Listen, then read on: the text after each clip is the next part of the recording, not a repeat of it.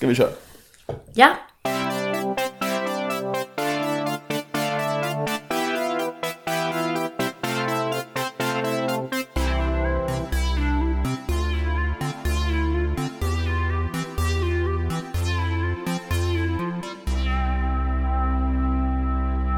Hej och välkomna till Böckerna bakom.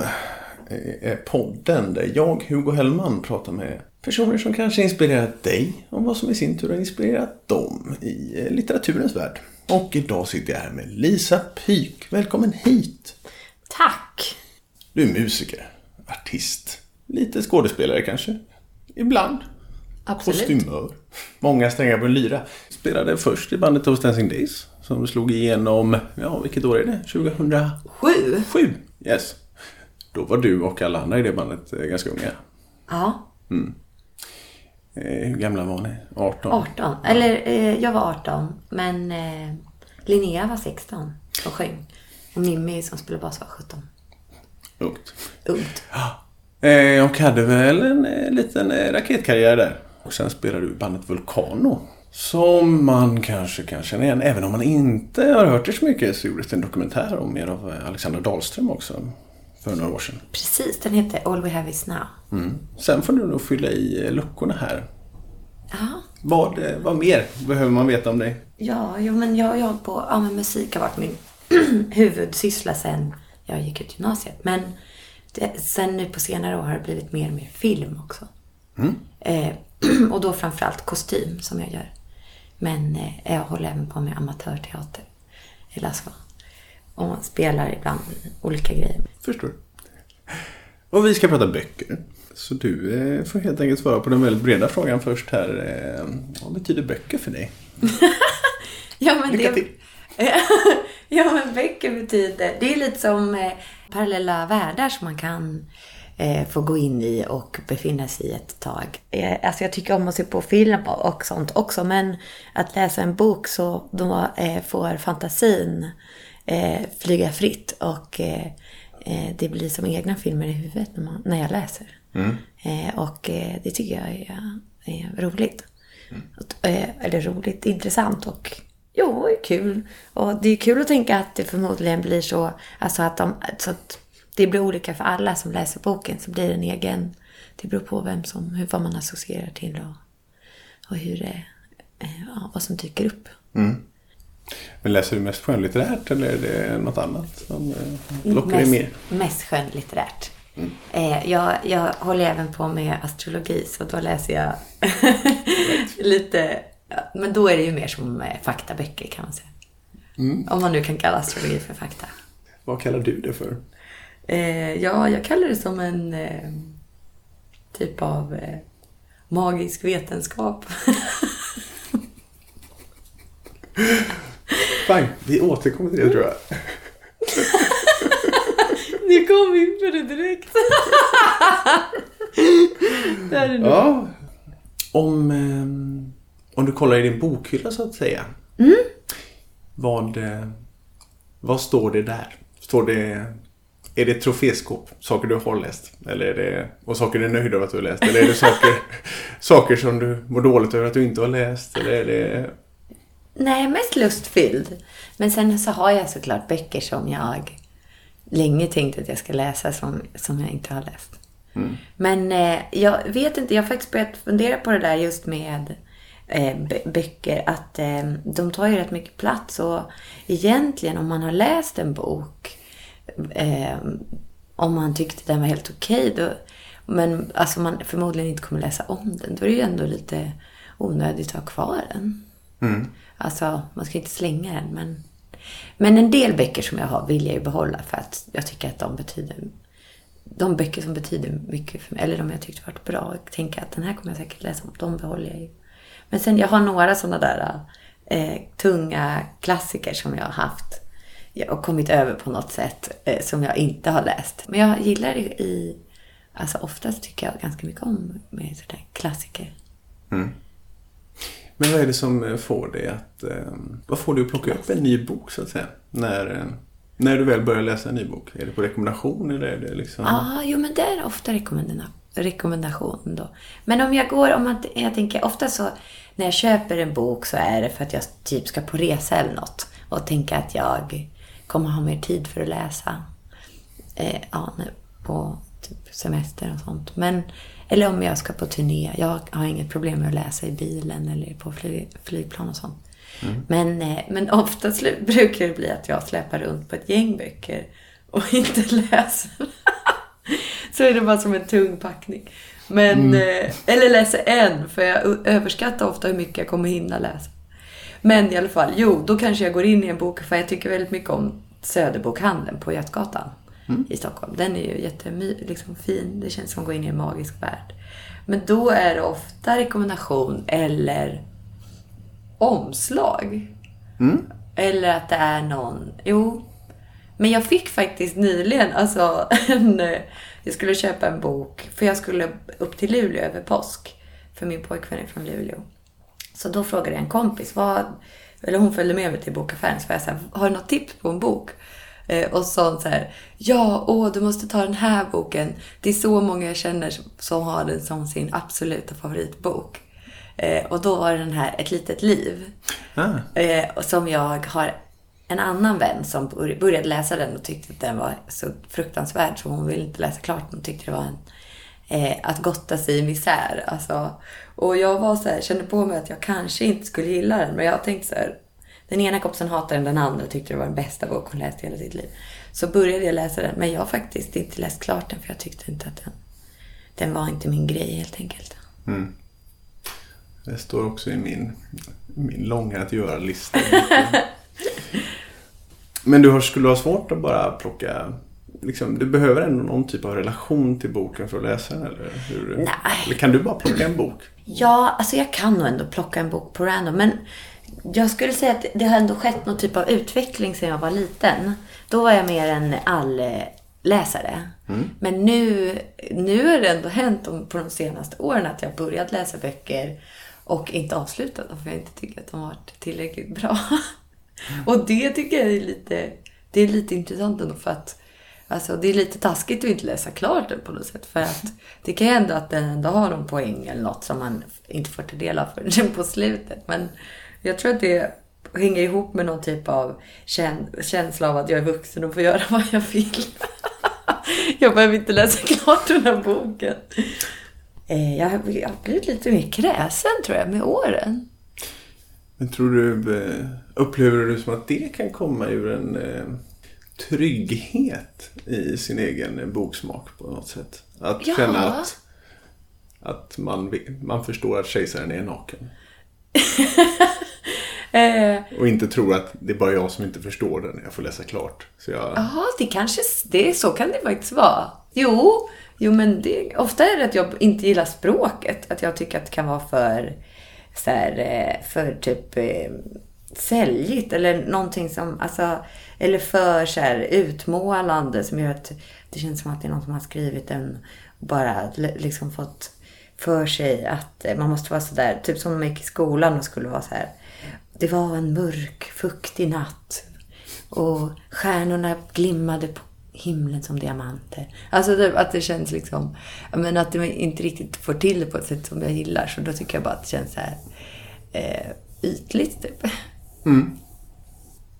Men hur, eh, du sa nu att i din ungdom var du mer av en allätare. Hur, eh, hur kommer du ihåg några liksom, tidiga läsminnen eller tidiga, din tidiga relation till böcker på det sättet? Ja, jo men... Eh, ja, men jag, allt, alltså, alltså, jag kommer ihåg att den första bok jag läste som jag tyckte var så himla bra. Det var Bröderna Lejonhjärta av Astrid mm. Lindgren. Mm. Det här går lite emot min teori att ingen har läst Astrid Lindgren. Ja, ja.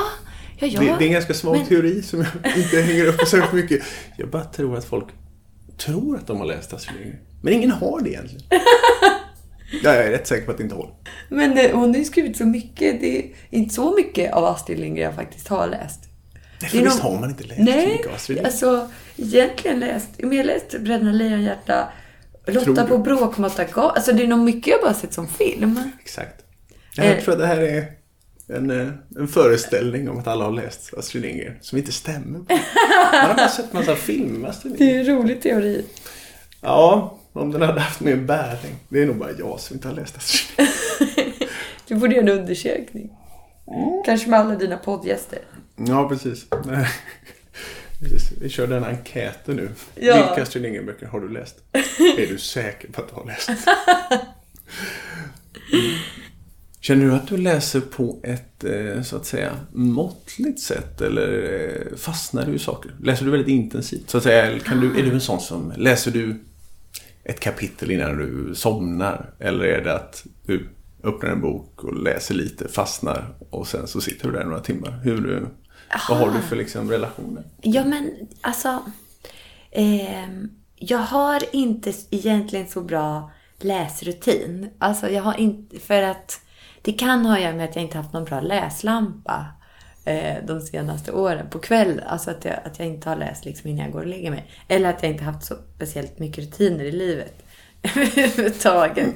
Men ehm, jag skulle nog ändå säga att jag är mer en sån som, om jag alltså verkligen gillar jag tycker bäst om att läsa böcker jag verkligen dras in i. Och då kan jag ligga och läsa hur, typ hur länge som helst. Men eh, det beror lite på i och för sig vad det är för bok. För att sist, den senaste boken som jag läste, då var det så mycket språk, eh, alltså så mycket som hände så då orkade jag liksom inte läsa. Det kan vara att jag är typ lite otränad också i min, i min läs. Dålig kondition? Ja, det kändes lite så. Jag bara wow, nu är det så mycket liksom, ord. För att jag har också märkt att jag ibland kan, eftersom jag blir så peppad, eh, bara läser på och sen när jag är klar med boken så är det som att jag eh, inte riktigt tog in vad det var. Alltså så att jag inte liksom bearbetade vad som hände i det så att jag knappt minns liksom, vad, som, vad handlingen var. Och det känns lite konstigt. då känns det som att jag liksom mest bara... För jag kan läsa fort, men då är det som att jag inte, jag inte riktigt får in det liksom i... Och det känns ju lite eh, tråkigt. Så nu försöker jag läsa lite mer eh, medvetet kan man säga. För att jag... Ja, det ska jag nog nå djupare. Jag förstår. När vi pratar om sådär med språk som är... Ja, men just om det är en liksom, svår bok på ett sätt. Där man känner att det kräver eftertanke. Ja, Det är, ju- du känner, det är ingenting som hindrar dig när du läser eller sådär. Du kan inte eh, känna bara nej, jag orkar inte. Eller läser du... om det, om det är en sån bok som kräver lite mer eftertanke och är lite mer så svår så om jag ändå, det krävs ändå att jag dras in i historien ju. Annars skulle jag nog an, faktiskt inte fortsätta. Men eh, det kan nog vara också att jag vill, alltså om det är någon sån klassiker, alltså mer att det är så mycket namn hit och dit och lätt att tappa bort sig och sådär. Men att jag nog ändå skulle eftersom, men gud det kanske blir någon sådär konstig, eh, lite sådär eh, snobbig grej då. Alltså att så här, men alla säger att den här boken är så bra. Jag måste bara fortsätta att läsa den för att förstå att den, den nog är bra. Så skulle det nog kunna vara. Faktiskt. Ja, men det är så jobbigt när det blir så Men, också. För då, ja. då känner man, man, om man, om man hela tiden bara försöker bli övertygad också så blir det, det, det, det försvårar någonstans läsningen. Ja, faktiskt. Att man är liksom Men gud, det är, skuggad av det. det kanske är lite som egentligen eh, att titta på en Tarkovsky-film. Eh, har du sett Tarkovsky? Nej. Nej, men det är också en sån klassik, en kla, sån klassisk regissör, som... Eh, ja, du har ändå koll på vem det är, eller? Jag blandar ihop mina Kowskis, ska jag säga. Så jag... Eh, nej, berätta. Nej. Ja, men, framförallt, ry- även om jag hade vetat, berätta Typ för som lyssnarna. ryska Bergman. Alltså lite så svåra filmer som är väldigt lugna och liksom eh, vack, jättevackert foto men handlingen är lite, kan vara lite oklar. Och då, då kan det bli att när jag eh, har eh, Alltså när jag ser sådana filmer att jag sitter och tänker att jag måste förstå allt liksom. Eh, och, och att gärna nästan slå knut på sig själv då för att bara, vad menar Vad menas med den här bilden? Men sen har jag, har jag på senaste tid tänkt att eh, jag tror inte att man måste sitta och förstå allt. Det är lätt, ibland att eh, förs, försvåra för sig själv för att man ska tro att det, det är så himla mycket som ligger bakom allt. Och det är det väl, men man kanske inte måste fatta allt. Så, länge, det, så länge man tycker att det ger en nå- någonting. Liksom. Ja, precis. Att man liksom fastnar i vad man tänker Ja. att upplevelsen ska vara. Ja, men precis. Det blir lite... För jag tror att jag... Ibland kan jag känna att jag är... Alltså, min föreställning om mig själv är att jag inte är tillräckligt smart då för att förstå. Och då blir det ju lite deppigt om jag liksom läser en bok och tänker att jag är, är för osmart för att förstå den här otroligt intelligenta författaren. Ja, Man måste det där är ju svårt att bryta ner. allt. Jag, eh, Ja. jag känner igen mig. Med, eh, ja, men just att känna, men jag borde väl klara det här. Eller? Ja, exakt. Okej, vad menas? Vad fan? Ja, det är lurigt det där.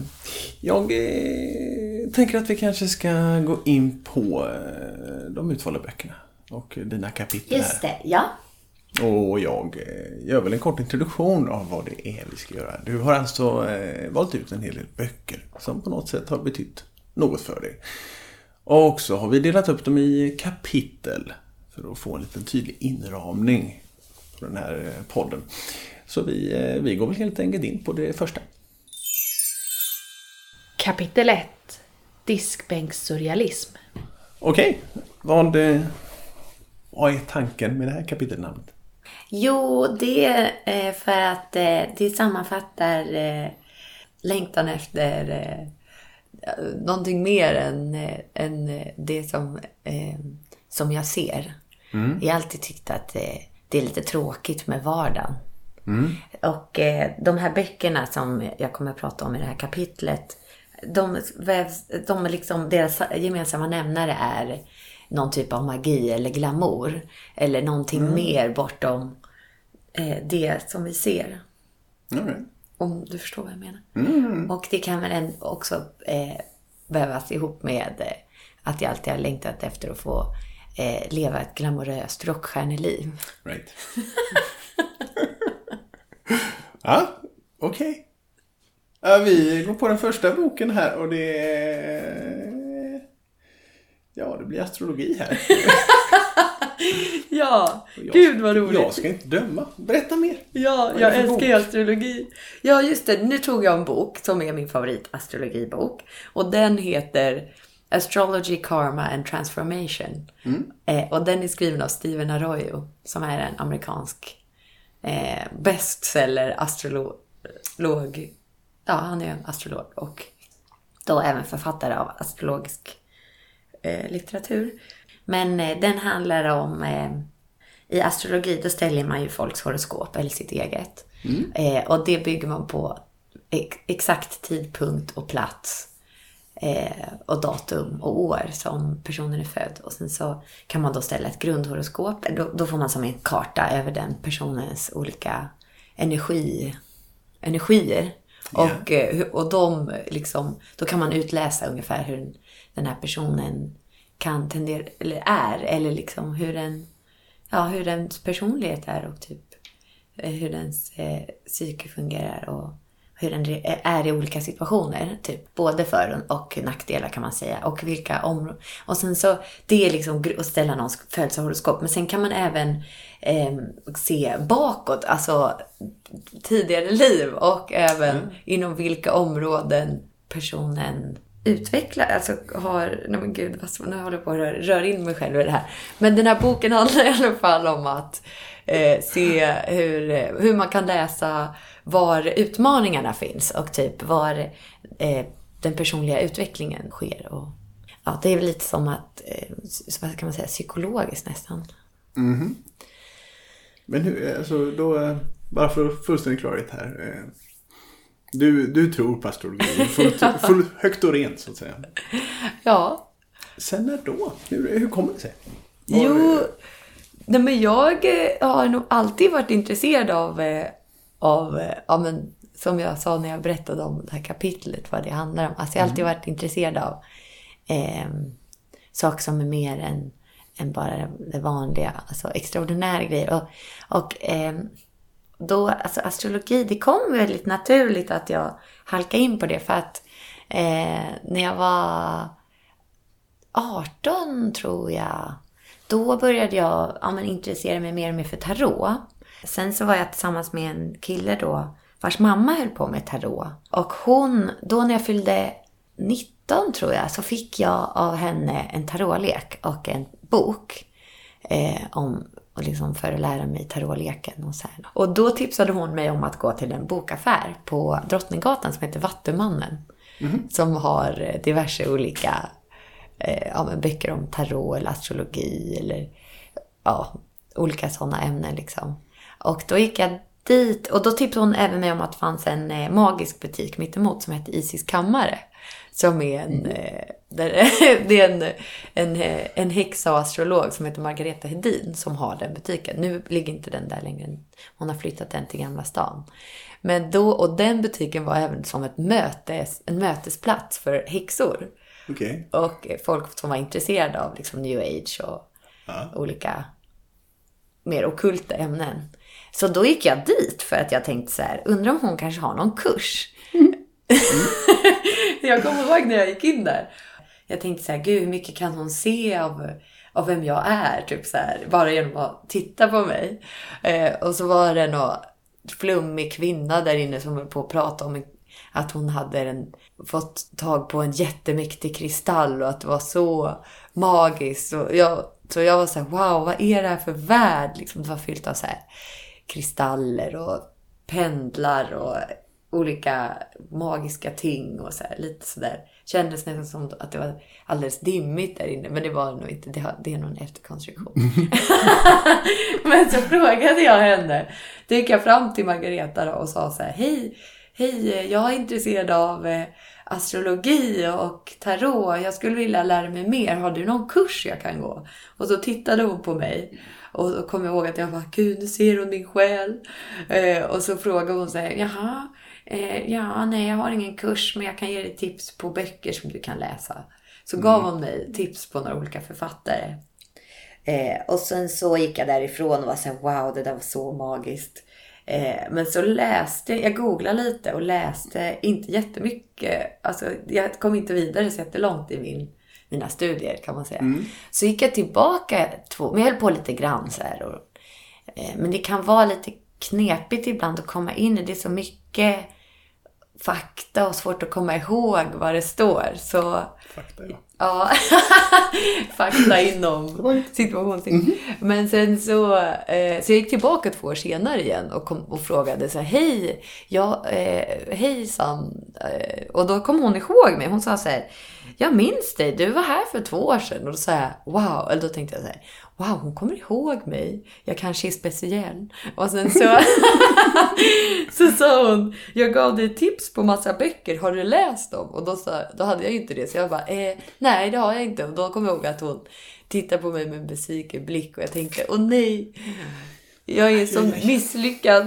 Eh, och då sa hon, nej. Och då sa jag, men har du någon kurs? Då sa hon, ja, jag ska faktiskt ha en kurs i höst. Och sen så började jag på den här kursen. Och då hade jag faktiskt inte så bra koll på Astro. Jag visste inte riktigt vad det handlade om. Men eh, då gick vi igenom liksom alla grunderna. Att det var alla planeterna, vad de, eh, deras olika energier och sen eh, de olika stjärntecknena, vad de, liksom, vad, vad de innebär och sen hur astrologi är uppbyggt kan man säga. Eh, ja, och då fick jag även koll på mitt eget födelsehoroskop. Och det är ju någonting, det är ju väldigt många som blir smickrade om, man, om jag gör en reading på någon. Eftersom att då sitter man ju och pratar om den personen och vilka egenskaper den har. Så det är ju ändå, det är ju ganska så, man blir väldigt fokuserad på en person som ofta blir ganska peppad av att få höra om sig, prata om sig själv. Ja. Och det är det jag också tycker är väldigt spännande att få ta del av andras tankar om sig själva. Ja. Men, ja. Så många frågor. Ja, kör på. Så, så, svårt, så svårt att veta vilka som är vettiga att ställa här. Men hade du letat efter någonting egentligen att, att tro på? Den här tiden så att säga. Är det liksom sökande på det sättet? Ja, kanske ändå. Alltså, ehm, jag tycker ju inte om tanken på att det inte finns någonting mer än, än bara att li, liksom leva och sen dö. Alltså att det bara är så där. Man, vi går runt på den här planeten och sen så finns det inget större än... Liksom, jag, jag är ju inte religiös, men jag är spirituell. Så Nej, men blir det lite som just... Jag tänker att om du... Eh, att sakna tro gör det ju svårt att vara religiös. Men att det liksom fyller ändå den typen av utrymme i dig. Och Ja, att liksom en större helhet. ja men det gör det. Och Det blir liksom också som att tro på någon typ av framtid för mig. Eller så här... Ja. Det blir flummigt. Sen har vi ju, alltså, eh, det är ju fler böcker i det här kapitlet. Jag tänker att eh, Ja, de, får- de kopplar ju ihop lite grann ändå. Ja, som du säger någonstans. Det, det finns det där magi. Klart, klart genomgående tema. För du har med Harry Potter-serien här till exempel. Ja, visst. Gud. Det, får, det känns som du läser den på ett annat sätt än andra. Nej, men jag kommer ihåg när, det, jag var ju väldigt passande ålder när alltså Harry Potter kom, när jag gick i femman. Då, då läste jag Harry Potter. Så då var jag ju 11 och första, i första boken så är Harry själv 11 år. Det är då han börjar på Hogwarts. Så det är. Mm. Ja, så det var ju egentligen liksom, jag kommer ihåg att jag var i Italien och eh, då så, eh, det var min familj och två grannfamiljer. Och då så eh, var det en av mina ja, grannbarnen som hade med sig Harry Potter. Så jag sa, wow, vad är det här för något? Och då var det liksom som att komma in i en helt ny, ny värld som jag sa, wow. Och eh, det var ju sommarlov, så jag skulle börja sexan till hösten. Och då Eh, så jag liksom nästa, alltså fantiserade om att jag skulle få en, ett brev från en uggla där det stod eh, You are welcome to Hogwarts School of Wizard and, Jag kommer inte ihåg vad, det, vad de säger att Hogwarts är. Men, och att jag bara wow, det är så coolt. Men jag, fick ju inget brev. Och, eh, så då var det var en liten sorg att jag inte var... För jag tänkte ändå så här, shit, den här världen kanske finns. Men jag vet ju inte det eftersom jag är en mugglare. Och då bara tanken på att så här, det finns massa dolda, eh, liksom hemliga sällskap eller eh, ja, värld, världar som, som är annorlunda. Det, det blev jag så otroligt peppad på. Kanske var det, det är ändå som lockar in mig då i, ja men astrologi är ju en, det är en hel community med, det finns ju jättemycket människor över hela jorden som håller på med det. Och, och de är mer och mer kommit i kontakt med dem. Jag har ju bott i eh, Los Angeles till och från och där är det ju, finns det ju jättemycket folk som lever sådana lite mer alternativa liv och pysslar med diverse new age. Ja, ja, ja. Jag tänker vi, vi kan fortsätta lite på böckerna här. Du får välja vilken är det nästa du vill prata om. Här? Ja, nej men, eh, ja men. jag började ju hålla på med astro då när jag var ja, men 18, 19, 20. Och då höll vi fort- fortfarande på med Those Dancing Days. Så då läste jag ganska mycket om det i turnébussen. För att man har ju väldigt mycket dödtid när man är på turné. Du får berätta lite om det här för det, det handlar ju ändå lite om just det här att vilja uppnå någonting eh, utöver vardagen. Jaha, Som ja, det ni får ändå man... gjorde vid väldigt ung ålder. Ja, visst. Hur, eh, Ja, jo men det... ehm, vi startade det ehm, när jag var 16. Så jag och Sissi som spelar trummor och Rebecca som spelade gitarr. Eh, vi hade haft ett band innan som hette Her Peace. Som vi hade hållit på med i, under ettan på gymnasiet. Eh, och eh, inte, ja, då, det var, gick ju, var inte alls lika framgångsrikt. Men vi fick ändå vara med i Nacka TV och spela runt i Nacka på olika fritidsgårdar. Och då hade vi varit på Hultsfred på, ja, i ju- juni. Och så, ja, vi älskade indiepop. Eller ja, jag älskade verkligen band som Shout Out Louds. Och så, så kommer jag ihåg att vi satt i min källare och eh, då satt vi tre och pratade om att vi skulle starta ett nytt band och att det bandet skulle låta som Shout Out Louds. Det skulle vara indiepop och eh, jävligt peppig musik. Och så eh, kom Sissi på att hon hade en kompis som hette Mimmi som ville spela bas. Hon kände en tjej som hette Linnea som sjöng jättebra. Eh, och så började vi repa. Och så höll vi på att repa i ett år och sen spelade vi in demos som vi sen la upp på MySpace. Och då fick vi ganska fort eh, respons. Och Mimmis bror kände eh, John i Jonossi. Och eh, de låg på ett skivbolag som heter V2 där en kvinna som heter Helen McLaughlin var VD. Och hon fick då tips om oss och sen så kom hon på en av våra spelningar och sen så gick det jättefort så blev vi signade där och sen samma sommar när vi spelade på Peace and Love så kom Mark Bowen från Wichita som är ett engelskt skivbolag och kollade på oss med sin fru Roxanne och så signade de oss till det bolaget och de hade som en, ett samarbete med olika skivbolag över hela världen. Så då gick det ganska fort eh, så fick vi turner, börja turnera runt hela världen. Mm. Eh, och ja, jag vet inte, det var väl någon längtan efter. Egentligen, jag tänkte faktiskt inte att det skulle ens gå. Och, eh, liksom, jag, var ju så, jag hade inte ens fantiserat riktigt om att man kunde faktiskt lyckas med att slå igenom. Men Sissi har alltid varit en visionär. Så hon, hon var direkt så här, vi ska bli störst, eh, det här är inga problem. Och sen så, så det var nog på något sätt, hon har alltid varit bra på att drömma. Inte, inte begränsas av att eh, det inte, ingenting är omöjligt helt enkelt. Och så var det ju verkligen med det där. Det gick ju jävligt fort, sjukt bra. Så då fick vi spela liksom, ja. Brasilien och Ryssland, Kina, USA. Ja, hela Europa.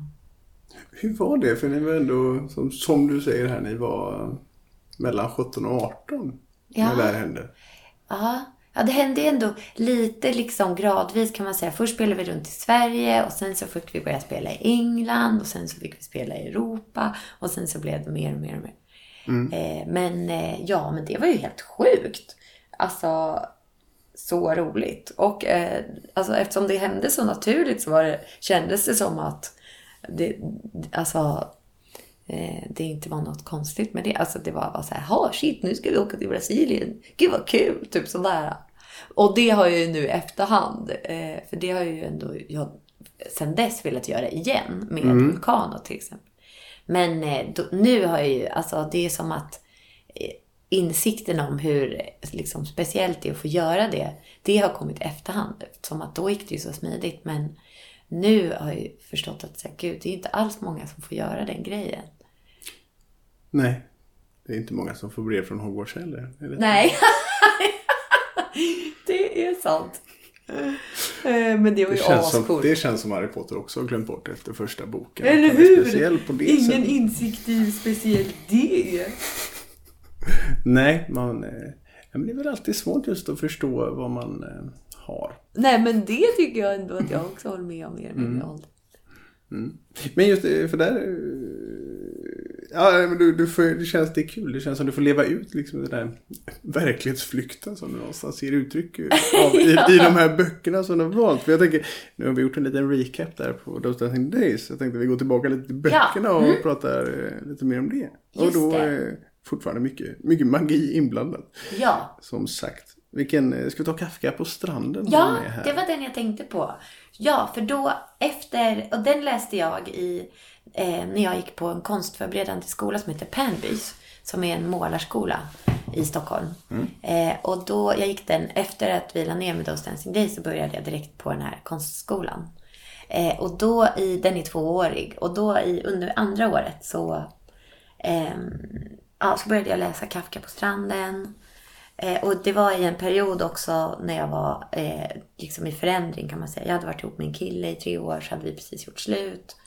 Och eh, jag tyckte att livet kunde kännas lite sådär svårt och tråkigt. Det var typ februari kanske, så läste jag den. Eh, och den handlar ju mycket om... Den handlar om en kille som... Eh, oh, gud, nu var det länge sedan jag läste den. Men han hamnar i limbo. I en, liksom en limbovärld. Eh, där det händer märkliga ting. Och det var väl just den där limbovärlden som jag framförallt blev intresserad av. Som är lite som, ja men, någon typ av drömtillstånd kan man ju säga. Eller tillståndet mellan dröm och vaket, vaket tillstånd. Eh, ja, just det. Men det hängde ihop med att jag just hade varit med om en eh, ganska spännande eh, flummig resa som jag hade gjort. Eh, och då, det hade varit, befunnit mig i det tillståndet. Så det passade väldigt bra in i, och ihop med mitt konstnärskap under den tiden. Hur hade du hamnat i det tillståndet? Jag hade varit på en sån ceremon, magisk ceremoni. Eh, och eh, då hade jag varit i det där tillståndet. Och det var väldigt, väldigt kul.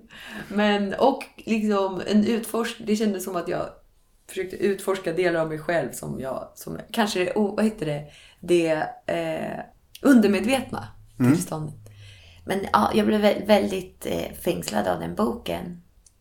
Och eh, den på verkligen pricka in eh, saker som jag funderar över. Och, eh, ja, det kändes lite som att jag kom in i ett tillstånd när jag läste den boken som, jag, som var väldigt lugnt. Eh, för an- annars kan jag vara ganska hetsig. Att jag bara känner som att jag springer runt i cirklar. Men när jag läste den boken så kunde jag liksom landa i, i något typ av lugn. Så jag kan verkligen rekommendera den boken.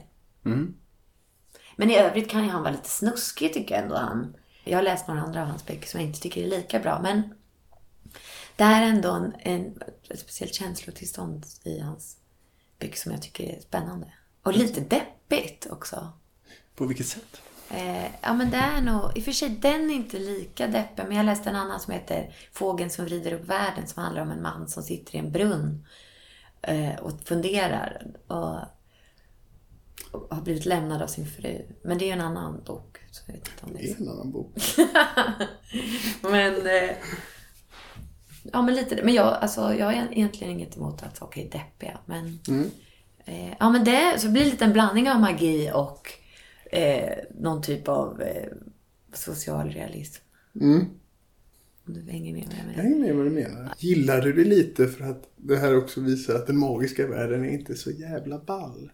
Det bara, Ja, de har det kanske. också dåligt. Ja! Det finns vardag i magin också. Och landa i någon typ av... Eh, kanske någon typ av ac- acceptans för olika känslotillstånd. För att det är som att jag ofta har jagat det som, som bara är kul eller mäktigt eller glittrande. Men det måste ju inte alltid vara det. För alltså, allt kan ju inte alltid vara helt liksom bäst. Det kan ju vara skönt. Jag har samtidigt en längtan av att landa i, i någon typ av lugn som inte är helt fantastiskt. Utan mer bara kanske någon typ... Det låter ju lite som någonting, någon typ av längtan efter att växa upp också kanske. Så det är en kombination av, liksom, jag vet inte, en kombination av spännande och magiskt men också av att ta det lite chill. Och... Men nu kom jag på en grej som är lite kul. Att det är både Kafka på stranden och Mästaren och Margarita så är det ju katter. Ja, jag tänkte, jag tänkte kommentera på Ja, det. du sen tänkte tänkte det. Jag, är det här relevant? Kanske. Kanske, Go. men det är ändå lite kul. Det är inte tänkt på innan. Mästare. Jag gillar att det är eh, någon typ av figur som Alltså katten i mästarstövlar, eller vad heter den? Mm, Mästerkatten i stövlar. Just det, Mästerkatten i stövlar. Eh, det är ändå en klassisk karaktär. Och det är roligt då, alltså med författare som tar upp sådana klassiska karaktärer som har, eh, som har funnits i andra böcker och tar med dem in i sina historier. Det är ju roligt. Men så är det ju ja, i eh, Mästaren och Margarita. Den är ju super, superbra. När läste du den här? Eh, den läste jag för två år sedan. Så här var det, jag hade varit i Moskva. För att den här filmen All We Have Is Now som Alexandra Dahlström gjorde om eh, Vulcano. Eh, den hade visats på en filmfestival i Moskva som heter Beatfilm. Som är en ja, festival med film, dokument, musikdokumentär. Och då hade vi gått där eh, i, vid platsen som boken börjar. Alltså, fan nu kommer jag inte ihåg vad den heter. Dammarna, det är någonting... Dammarna. Jag har läst början på den. Ja, du har jag- det. Kommer du ihåg? Nej. Jag försöker komma på vad det är. De sitter på en bänk, två män sitter Ja. på en bänk och pratar. Ja, det är ungefär Och sen så blir den ena halshuggen. Alltså, eller han... Kommer inte så långt. Oh, nej, okej. Läste väldigt kort. En kvinna tappar ut olja på marken så att spårvagnen skenar och hugger av hans huvud. Och då har han redan fått, fått veta det av en mystisk man att han kommer dö. Ja, den är väldigt bra. Och då hade jag befunnit mig vid den platsen och då hade min kompis då, Alexandra eh, pratat om och sagt att här börjar Mästaren och Margarita vid de här, liksom den här, det här torget. Och då är jag så här, wow, gud vad spännande. Och sen köpte jag den när jag kom hem. Så hade jag hört innan om att den var en fantastisk bok. Men Som gillar jag tycker alla måste läsa. Det är ändå en sån typisk klassisk bok som är lätt att läsa. Man hänger med. Det är inte, man behöver inte vrida och vända på hjärnan för att förstå. Utan eh, det är väldigt så lättläst. Men sjukt roligt och väldigt smart skrivet. den, den ingången i böcker, att eh, koppla till specifika platser, händelser, Är det någonting som eh, lätt får dig att börja läsa saker? Ja, det blir nog att jag får en mer eh, koppling då till... Mm. Alltså att ja, det känns nästan som att jag befinner mig i boken. Mm. I handlingen. Jag tänkte eh, sammanfatta lite. Ja. Jag hade, eller jag bara tänker så här. Eh, Det verkar, läser du mycket som är så här ren fantasy? Eh, nej, jag provade det eh, då när jag läste Harry Potter. För jag tänkte shit, det här med fantasy kanske är min grej. Men då läste jag några böcker. Som, men de kan ju vara lite så här macho och lite...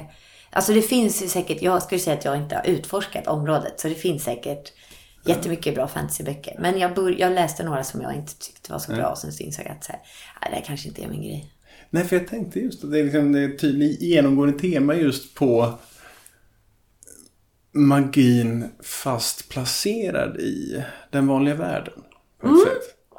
Jaha. Ju- Just att eh, för nej, fantasy kan man inte tro på. Men vill man tro på magi så måste man placera det på den platsen. Ah. Du liksom att du ser, du läser någonting om en talande katt och så kan du se magi i det också. Eller just att liksom öppna upp nya vägar för att se någonting större än den verkligheten du lever i. Ja, jo men det, så kan man nog faktiskt tolka det ändå.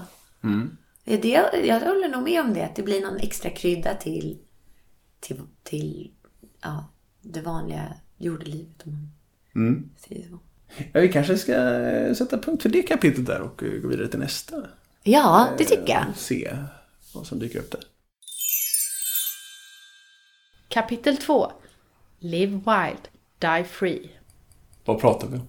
Det här kapitlet handlar om att leva eh, precis som man vill. Och att eh, de här böckerna sammanfattar min längtan efter att skita i vad alla andra tycker och bara köra min, min egen grej liksom. Och det är också titeln på eh, era första skiva med Vulkan. Ja, precis. Eh, och den, vi fick, faktiskt fick den titeln ifrån att eh, vi hade varit och spelat med Those Dancing Days i, i England. Och så hade jag och Cissi köpt eh, två likadana t-shirts med, jag tror att det var några örnar eller något på, och så stod det Live wild, die free. eh, och så... eh, det var så jävla bra budskap. Live wild, die free. Istället för Live wild, Die Young. Eller vänta, Die Young. Live Hard, Die Young. Nej, vänta. Hur är det man brukar säga? Mm, ja, nej men Live Hard Die Young Live Hard. Die Young. Det här får jag för mig är Christer Petterssons... Uh, Ja, ja men det känns... Live Fast Die Live Young. Fast, Die Young. Just det. det är Christer Pettersson Och det känns så himla deppigt ju. Alltså som att så här, Mm. man bara ska få... Alltså man måste passa på så kul man kan när man är ung och sen så kan man lika gärna dö. Men det här Live Wild Die Free, det liksom sätter ingen bäst före-datum utan då är det bara så här. Lev fritt, lev som du vill när du lever och sen så dör du som en fri person. Mm. Fri från eh, begränsningar och tråkiga ja, fack. Så då, då passade det väldigt bra till vår första platta som var så här punkig och som vi hade. För där, om, vi, om vi går tillbaka lite där, just det, jag Ja. tänker vi... Vilket år var vi på den här spelningen när ni köpte tröjorna i- med Dustin? Ja, det var 2011. Det var precis i slutet av våran Those Dancing Deep. Vad var det som hände där? Vad var det som fick dig att... Varför? La vi ner? Ja. Ja, det var liksom... Eh, vi hade ju kört så hårt i några år med turnerande och skri, liksom skriva en skiva och eh, spela in den. Och det var ganska hög press från våra bolag och eh, ja, eh, utomstående kan man säga. Eller eh, liksom inte bandet. Press på att vi skulle skriva hits och få ja, bli ett ännu större band kan man säga. Men eh, vi var ju så unga så Eh, det var inte så lätt att vara en, en grupp på fem personer som skulle samsas om allt. Och, mm, det är ju ganska hårda omständigheter. Även om det finns väldigt mycket kul med att turnera och spela och få resa jorden runt så är det ju väldigt slitig bransch också. Ehm, lite sömn och dålig mat. Och, om inte det ligger en, alltså, ens personlighet nära att leva så. Om inte de, det positiva mer eh, väger upp det jobbiga så är det otroligt slitsamt. Eh, och eh, alltså alla i bandet började må ganska dåligt. Och så, ja. Det var därför vi la ner helt enkelt. Och, men eh, det var ju ganska sorgligt när det hände. Som att Vi hade precis släppt vår skiva och skulle på en USA-turné. Men eh, vi var tvungna att ställa in USA-turnén. Och sen så tog vi beslutet att så här, det här går inte, vi måste lägga ner. Men då hade vi redan ett halvårs spelningar inbokade. Så eh, då gjorde vi dem. Och visste att vi skulle lägga ner. Fast det var ingen annan som visste det. För att vi var tvungna att vara hemliga med det. Eftersom att om det kom ut så skulle vi kanske förlora massa pengar. Det var en sån ekonomisk grej. Det låter jobbigt. Ja, det var ganska jobbigt. Men eh, vi fick göra väldigt mycket kul spelningar under det halvåret. Ja, jo men det var, det var ju väldigt deppigt alltså. Ja, ganska dekadent kan man säga. Men, eh, ja, men det var inte bara, det var inte bara tråkigt. Det var också så här, det var fanns ju liksom väldigt många roliga stunder också. Men det var ändå en tuff period. Eftersom att vi, eller för mig, det, det jag hade känt till i mitt vuxna liv, alltså ända sedan jag liksom gick ut skolan, så var ju det att vara en turnerande musiker och få vara på alla de här coola platserna och resa. Så det var läskigt att tänka att, ha, vad ska hända nu? Vad ska vi göra sen? Men också befriande och skönt att slippa alla, eh, slippa liksom bli bestämd över. Eller så här, eh, ja, att bli fri på något sätt. Att så här, shit, vad vill jag göra nu? Och då i sa- samma veva som vi la ner så var det så hade Cissi börjat skriva låtar för ett nytt projekt som hon eh, hade döpt till Vulcano. Så hade hon tagit ett gig hos en kompis som, skulle, alltså, bodde i en lägenhet med en loftsäng som skulle ha en spelkväll med olika musiker som skulle uppträda där. Och då hade Cissi sagt såhär, jag vill spela! Och sen så, hade hon, så kom hon på då typ veckan innan att såhär, shit, eh, eller hon sa, jag spelar nästa vecka, på fredag blir det. Och sen så kom hon på att shit, jag har ju inga låtar än. Så hade hon skrivit några låtgrunder. Så frågade hon mig och Rebecca om vi ville vara med och kompa henne. Så gjorde vi det och så var hon, var hon så här, fan ska vi inte starta ett band istället? Och vi bara, jo lätt! Och då blev det, då startade Vulcano. Det är ju väldigt annorlunda ifrån Östens Days. Ja, det blev verkligen en motreaktion. Ja. En sån eh, punk... Eh, punkreaktion. Bara fuck it, vi, vi gör precis vad vi vill. Det här behöver inte bli... Det här ska inte placeras i något fack. Typ sådär. För att Dancing Days hade ju dragits mer och mer åt att bli någon typ av eh, ganska kommersiell pop. Eh, liksom, som blev mer och mer polerad. Och eh, då blev liksom Vulcano då var det så här, nu är fria. Det här ska låta precis som vi vill. Och så här, vi kan ta vilka spelningar vi vill. Typ för att med Those Dancing Days hade vi inte kunnat ta något mindre så här, mera flummiga spelningar. Utan då, för då var det inga, inga pengar inblandat. Men nu kunde vi ta precis vilka spelningar vi ville. Och då var det så här, yeah, nu kan vi spela på den här lilla konstiga festivalen ute i Gnesta. typ sådär. och bara, woho! Men, eh, så det var skitkul. Men sen så var- kom väl bakslaget sen att inse att så här, "Ha, shit, men nu vill vi ju spela på större spelningar. Och då är det så här, "Ha, hur ska vi göra det då? Men det var i alla fall väldigt befrielse att få göra precis eh, som vi ville göra. Och det finns eh, ju en del böcker som då Ja, har hjälpt dig att tänka så här. Eller vad man ska säga. exakt! Börja vad du vill. Jag börjar, okej, ja men då, då så, eftersom vi var, jag höll på med, jag höll på med Vulcano och gick på den här konstskolan som jag pratade om i förra kapitlet. Så eh, bestämde jag och Cissi oss, för sen Rebecca hoppade av ganska snabbt. Så då var det bara jag och Cissi kvar. Och då hade vi en manager som hette Roxanne som var gift då med Mark som hade Wichita som vi hade legat på med Those Dancing Days. Och Roxanne och Mark hade flyttat till Los Angeles. Och Roxanne sa så här, ska ni inte komma hit och hälsa på och bo hos oss i två månader? Och då sa jag Cissi, fuck yeah, let's go! Och då på vägen dit, på flygplatsen, så köpte eh, jag boken I'm with the band som är skriven av Pamela DeBar. Och den handlar om när hon eh, på slutet av 60-talet var tonåring och eh, hamnade i hela den här eh, flower power-scenen. Eller så här rock'n'roll, eh, heter- Led Zeppelin och Rolling Stones. Och hon blev en av eh, de första, ska man säga, professionella groupiesarna. Som bara levde loppan och hängde med alla de här rockstjärnorna uppe i Hollywood Hills och liksom bara festa och hade romanser hit och dit med olika rockstjärnor. Och hon, ha- och, hon och eh, jag vet inte om de var sex personer, tror jag. Det var lite löst. Så hon och fem andra unga ja, tonårstjejer eh, startade ett, en grupp som hette The GTOs. Som är Girls Together Outrageously. Eller Girls Together... Man kan liksom, det finns inget fast namn utan man kan säga lite vad man vill. Och de bara ja, men, skrev låtar och hängde med Frank Zappa och så här. Eh, gjorde lite vad fan de ville typ. Och då i den här boken så beskriver hon väldigt bra, det är så otroligt bara kärlek för frihet och bara njöt av livet och var så här. Det här, sen gjorde jag det här, så gjorde jag det här och liksom inga hämningar och inga förväntningar på hur hon skulle vara utan bara åt av livet som ett smörgåsbord. Och det blev både jag och Cissi så sjukt inspirerade av. Och vi var ju i LA då, där det här hade utspelat sig 50 år tidigare. Eller 40 eller något. Och eh, ja, så det peppade oss att bara, för det vi gjorde när vi var i LA var att skriva musik.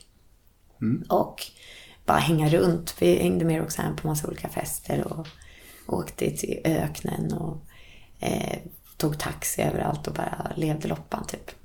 Och måla och levde något. Det var, ja, det var sj- sjukt kul. Och då, den här boken verkligen inspirerade eh, mig att eh, ta tillvara på livet. Det var otroligt mäktigt. Jag tänker just dokumentären om er där, All We Have Is Now. Ja, Om det är någonting som jag slogs av när jag kollar på den. Det är just det här. Men Det finns en sån oerhört eh, fascinerande eh, brist på självcensur någonstans i att inte hindra sig själv. Som jag tyckte var, det är väldigt fascinerande. Jag hade väl något liknande fram tills jag var 20. Men sen har det dött bort. Nu lever jag bara genom självcensur. Eh, men att det, blir, det, det, var, det är befriande. Det var fascinerande. Det bara finns någon del av det när ni eh, blir, eh, är på någon fest hos någon, eh, någon, någon spännande producent, filmproducent och. Just det, I ja. någon sorts lyxig villa och eh, ska spela en Iggy Pop-cover. Ja. Bara ni två. Det känns också väldigt sådär, var det planerat ens? Nej, det var inte planerat. Och just det, det Vem var sånt svin... här? det var ju skitcoolt. För Roxanne jobbar med att sätta musik i film. Då var det en, en mimosa brunch uppe i Hollywood Hills hos en... Eh, nu kommer inte jag ihåg vad han heter, men han sätter musik i olika serier. Och då höll han på att sätta musik i till exempel True Blood och sådana där. Och han brukar anordna sådana bruncher där olika artister kommer och spelar låtar. Och, och så är det massa sch- schneidiga Los Angeles-bor som kommer dit och minglar. Och då var det en annan artist som eh, Roxanne jobbar med som skulle spela och så åkte vi dit med henne. Och sen så när han fick höra att vi hade ett band så han säger Girls, you should also play a song. Och vi bara Yeah, let's do it! Och sen så spelade vi den där covern. Och levde loppan. Och då på vägen dit, det var också faktiskt en sån episk förmiddag. För då hade vi åkt förbi huset där Jim Morrison bodde. Så vi liksom spanade in det där huset och bara wow! För då, och då var jag väldigt inne i just den musik, alltså gammal eh, psykrock typ från eh, slutet av 60-talet. Det var verkligen min väg. Men det är fascin- jag fascineras av det här. Eller, för jag undrar, minns du ungefär hur du tänkte i den här situationen? Fanns det en tillstymmelse till, liksom, nej men det här kanske vi inte ska göra. Vi har ju inte repat in det här. Vi har inte med oss instrument. Ska vi verkligen stå här och, och skrika? I wanna be your cat. Ja, jo men alltså jag skulle nog säga att jag, om jag hade varit själv så hade jag nog tvekat. Men eh, den, i den kombinationen med Sissi och då var faktiskt Rebecca med också. Det här var innan hon hoppade av. För vi var där en gång tidigare i Los Angeles innan Rebecca slutade. Men då, då var det aldrig någon tvekan. För då var det så här, vi gör det. Och så bara, okej, vi gör det. Vi peppar varann. Och det är väl det som är så grymt med att vara ett band, att man tillsammans blir starkare. Eller i, i goda tider så blir man det. Och sen är det klart att man kan hamna i en mörk spiral när man tillsammans blir svagare. Men vi har ändå alltid haft en bra eh, energi av att stärka varandra. Eh, framförallt jag och Cissi då. Men eh, eh, ja, nej, så jag tror alltså kanske att jag tänkte ändå bara, men gud vad sjukt, ska vi spela? Och sen så bara, ja det är klart att vi ska spela här. så, men, men eh, Jag tror ändå det var ju ändå en tid, då var jag 23 tror jag, 24, ja 23. Och då, jag var ändå yngre och naivare så jag tror att jag var mer orädd då. Den tiden skulle jag nog säga var piken på Live Wild Die Free. Liksom, livet är oändligt. Jag ska inte begränsa mig. Men det är ju lättare att göra det. Det är därför jag tyckte det var så kul att vara i LA. För det är en plats där folk... Alltså, det kanske är för att det är USA också. Amerikaner är ju lite mer... Yeah, I'm the best. I'm gonna do this, I'm gonna do that. Det är en helt annan kultur av att säga vem man är. Alltså, så här, det är jätteofta om man träffar någon om jag bara, vem är du, vad gör du? Så bara, I'm a musician, I'm an artist, I'm a writer. Alltså, ingen självcensur. Så när jag var där har det snarare varit att jag, om någon har frågat mig, jag bara, well, no, yeah, I do some music. Och de bara, with that attitude, that won't get you anywhere, honey. Alltså att det ingår att man måste vara så här, sälja sig själv och vara så här, jag är bäst, jag är grym. Börjar den här... eh, Börjar självkritiken sippra sig in? Absolut. Mellan 25 och 30, det tycker jag har varit någon typ av eh, verkligen utmaning att landa i vem jag är och mera självcensur och så vidare. Men sen så nu har det kommit som en revival igen. När jag bara, men vad fan. YOLO. Nu, jag kan inte hindra mig själv att eh, inte göra det jag tycker är roligt.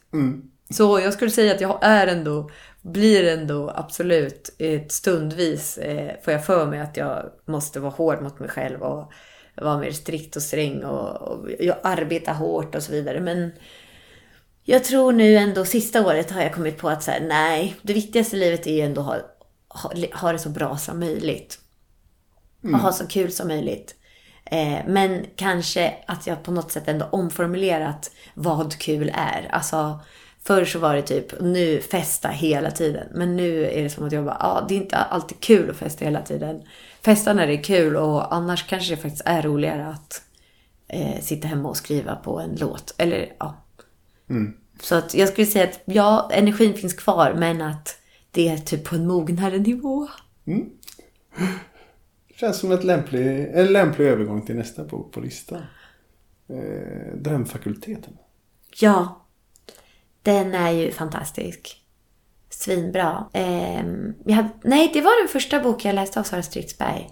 Men eh, den handlar ju om Valerie Solanas och hennes liv. Och ehm, hon skrev ju den här boken Scum Manifest som hon är ganska känd för. Och, men hon är väl framförallt känd eftersom att hon sköt Andy Warhol.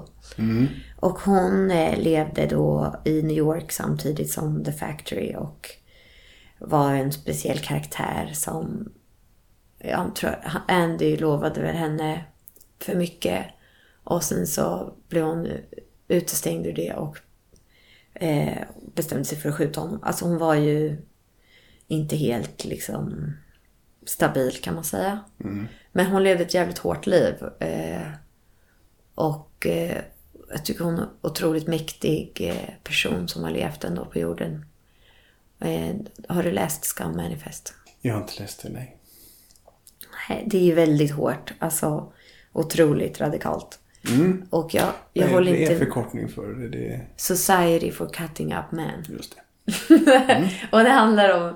Det var coolt för hon var ju... Alltså hon gick på universitet och studerade...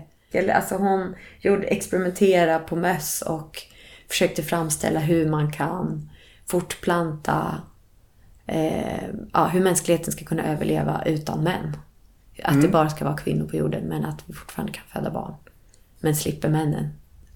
Eh, men då i den boken, det handlar ju om liksom, och då, då, det är väldigt drömskt. Alltså Sara Stridsberg är så otroligt bra författare. Det är väldigt liksom drömlika en- men ändå ja, mycket känslor i. Man får följa Valerie, hennes liv, som var otroligt hårt.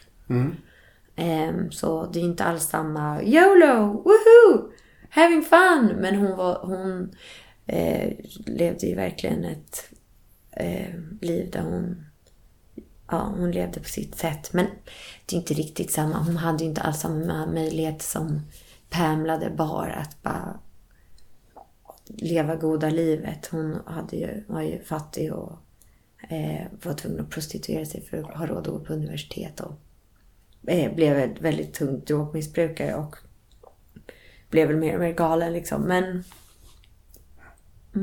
Ja, det jag tänkte på om just med, med varför jag tyckte det kändes som en lämplig övergång. ja, Eller just för att det här handlar ju mer om en... Eh, om, om eh, just Pamela the Bar. ja, Mm, så är det ju mer en hämningslöshet och kompromisslöshet eh, för hämningslösheten och kompromisslöshetens skull. Ja. Men här tänker jag mer, även om man kanske även om man inte håller med exakt vad hon eh, om allt hon säger, Valerie Solana, så handlar det väl ändå mer om just en eh, också att inte eh, följa samhällets normer, att vara kritisk Ja. mot saker på ett mer medvetet sätt. Och det, är liksom, det, det finns en, en hämningslöshet i, i tänkandet, men är mer kanske medveten. ja, absolut. Det är ju, grundas ju egentligen i samma... Alltså båda är ju ändå, handlar om att eh, live wild, die free. Alltså fast de har väl olika utgångslägen kan man säga. Men jag har fått samma kraft av båda böckerna i tanken på att så här, göra min grej. Men vem, eh, vem identifierar du dig mest med? Ja, det blir väl mer Pam de Bar. Alltså, jag är inte så militant person. Eller alltså, jag menar Valerie är så stenhård. Alltså, hon körde ju verkligen helt sin eh, liksom, vision. Nej, men mer Pam de Bar kan man säga. Men kanske ännu mer med, eh, Virginia Woolf. som är vår nästa. Ja, ja men visst. Kanske mer. Det blir väl en, eller någon typ av eh, kanske barn där mellan alla de om De fick ett barn. För nu är, du har Mrs Dalloway. Ja, som är den sista bok jag läst också i min boklista. Och jag älskar Virginia, Virginia Woolf. Mm. Och Mrs Dalloway, fantastiskt bra. Och eh, den handlar ju om, om just Mrs Clarissa Dalloway. Och en dag i London i hennes liv. Men eh, man får inte bara följa henne utan även personer i hennes närhet. Och eh, allt är väldigt eh, vackert eh, ihopskrivet. Alltså Virginia Woolf använder ju en teknik som andra, Scream of consciousness. Eller som kanske hon till och med kom på, jag vet inte. Som är väldigt så flytande och man svävar in och ut ur olika människor och deras tankar och syn på olika saker. Och från olika vinklar så, det kan vara i vissa scener i boken så är det, får man hoppa mellan ja, många människor som befinner sig i samma rum och hur de ser på hur det är att vara i det här rummet. Det är en fest som själva bo, liksom, boken handlar om att Clarissa ska ha en bjudning på kvällen. För hennes man är politiker och så har hon bjudit in societeten i London. Eh, det är otroligt bra skrivet. Och väldigt så, Virginia Woolf, väldigt mäktig person. Mm. Berätta mer om Virginia Woolf. Vad är, Vad är det jag tycker vad är dragningen med henne? Eh, alltså hon är så otroligt... Ja, hon kör också den, alltså otroligt egen. Eh, och eh, mycket integritet. Och eh, genom att läsa hennes böcker så blir det som en... Att få komma in i hennes eh, värld på något sätt. Och jag har även läst hennes dagböcker. Och eh, då får man ju komma in i hennes, alltså hennes vardag.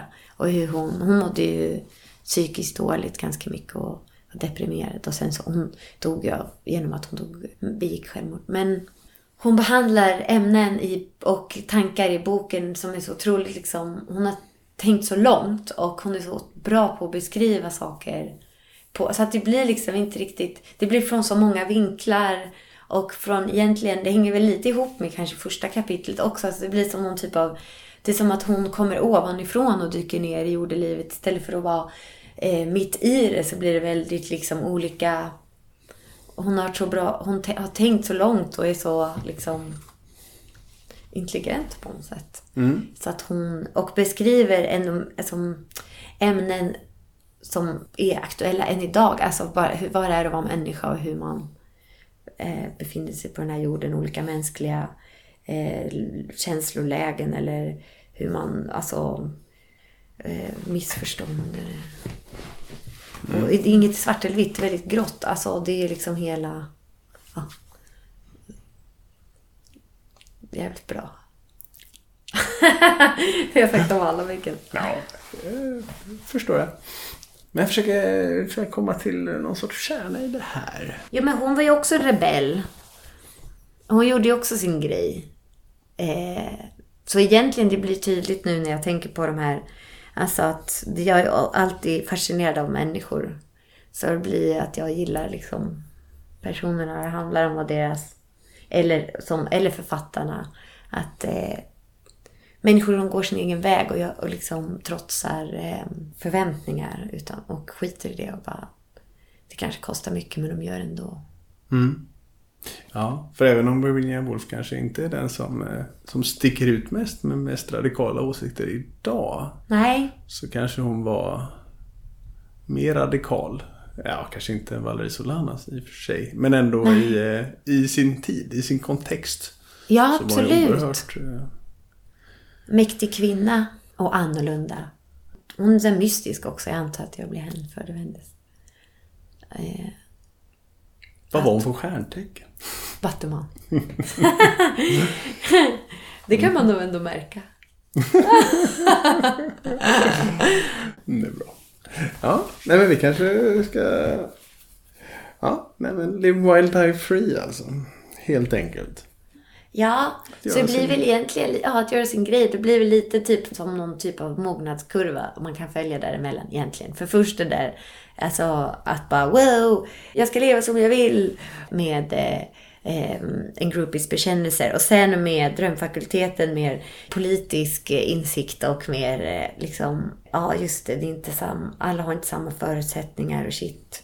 Eh, vad livet kan vara tungt men också shit hon gjorde sin grej, hon körde det hon be- behövde göra för att få leva som hon tyckte var sant.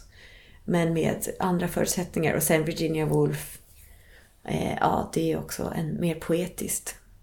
Ja, det blir som en, en, en till eh, en till utveckling som jag kanske mest befinner mig i nu. Mm. Ja, var befinner du dig nu? Eh, ja, en, ja, en sån ung vuxen. som... Eh, ja, jo men eh, jag skulle nog säga jag har en som en, vad heter det, 2,0 känsla av det här, nu, lever jag, nu tänker jag leva precis som jag vill och eh, vi får se vad som händer. Det är alltid ett, ett vågspel mellan att ta de beslut som jag tycker känns roligast och också ändå vara lite mer eftertänksam och bara ha, inte bara hoppa på första bästa grej utan eh, men äventyret är så viktigt för mig. Vart är du på väg nu då? Eh, jo, men nu vill jag skriva musik. Eh, utan egentligen tanke på vart den ska ta mig. Utan mer, eh, jag är mer intresserad av vad, eh, alltså vart, jag, när jag säger vart den ska ta mig, då tänker jag så här, oh, vill jag att det ska betyda att jag ska få turnera över hela världen? Det är inte fokuset, utan snarare så här, åh, att jag vill dyka in i en värld som jag tycker känns spännande. Och sen så får jag se vad som händer sen. Jag kanske bara släpper den och det inte blir något mer med det. Men just bara för görandets skull, för jag är sugen på att utforska det. Men har du några tankar på att... Eh, för även om vi pratar just om att leva, leva som man själv vill. Jaha. Så har du ju alltid varit i ett sammanhang. Så att säga. Även om du har Those Dancing Days först. Och sen kokar det ner till Vulcano. Ja. Men kommer du... Eh, vill du göra saker helt själv? Verkligen Ja. helt utan att kompromissa? Ja, jo, jo, men jag är sugen på det nu. Det känns som att tiden är kommen. Spännande. Ja, jättespännande. Jag vet själv inte vad det kommer bli. Ser fram emot det. Mm. Men där tror jag vi, vi slår igen. Helt enkelt. Sista fråga tänker jag ställa. Eh, och det är vem du skulle vilja höra i den här podden längre fram. Oh. Jag skulle vilja höra Ami Brammesej. Hon har varit, haft program i P3 och har en podd som heter Ras- Raseriet. Och är en allmänt smart och spännande person. Mm. Det skulle vara spännande att höra vad hon har. Vad, vilka böcker som har betytt mycket för henne och vilka som hon tycker är intressant att ta upp i den här podden.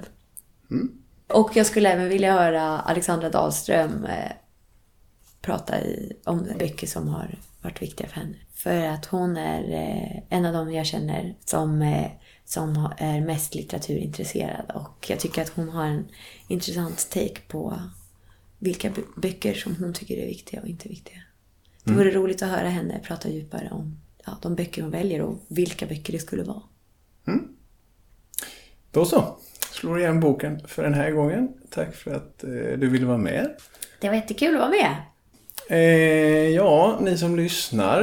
Eh, tack för att ni har lyssnat. Det var, det var kul att ni ville följa med så här långt. Eh, om ni har något att eh, säga, något snällt, något elakt, får ni gärna höra av er eh, på något sätt.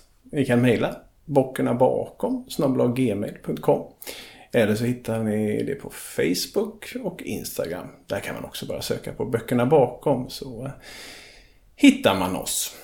Eller mig. Mm. Oavsett, på återhörande, kära lyssnare. Antagligen om två veckor. Jag lovar. Hej så länge!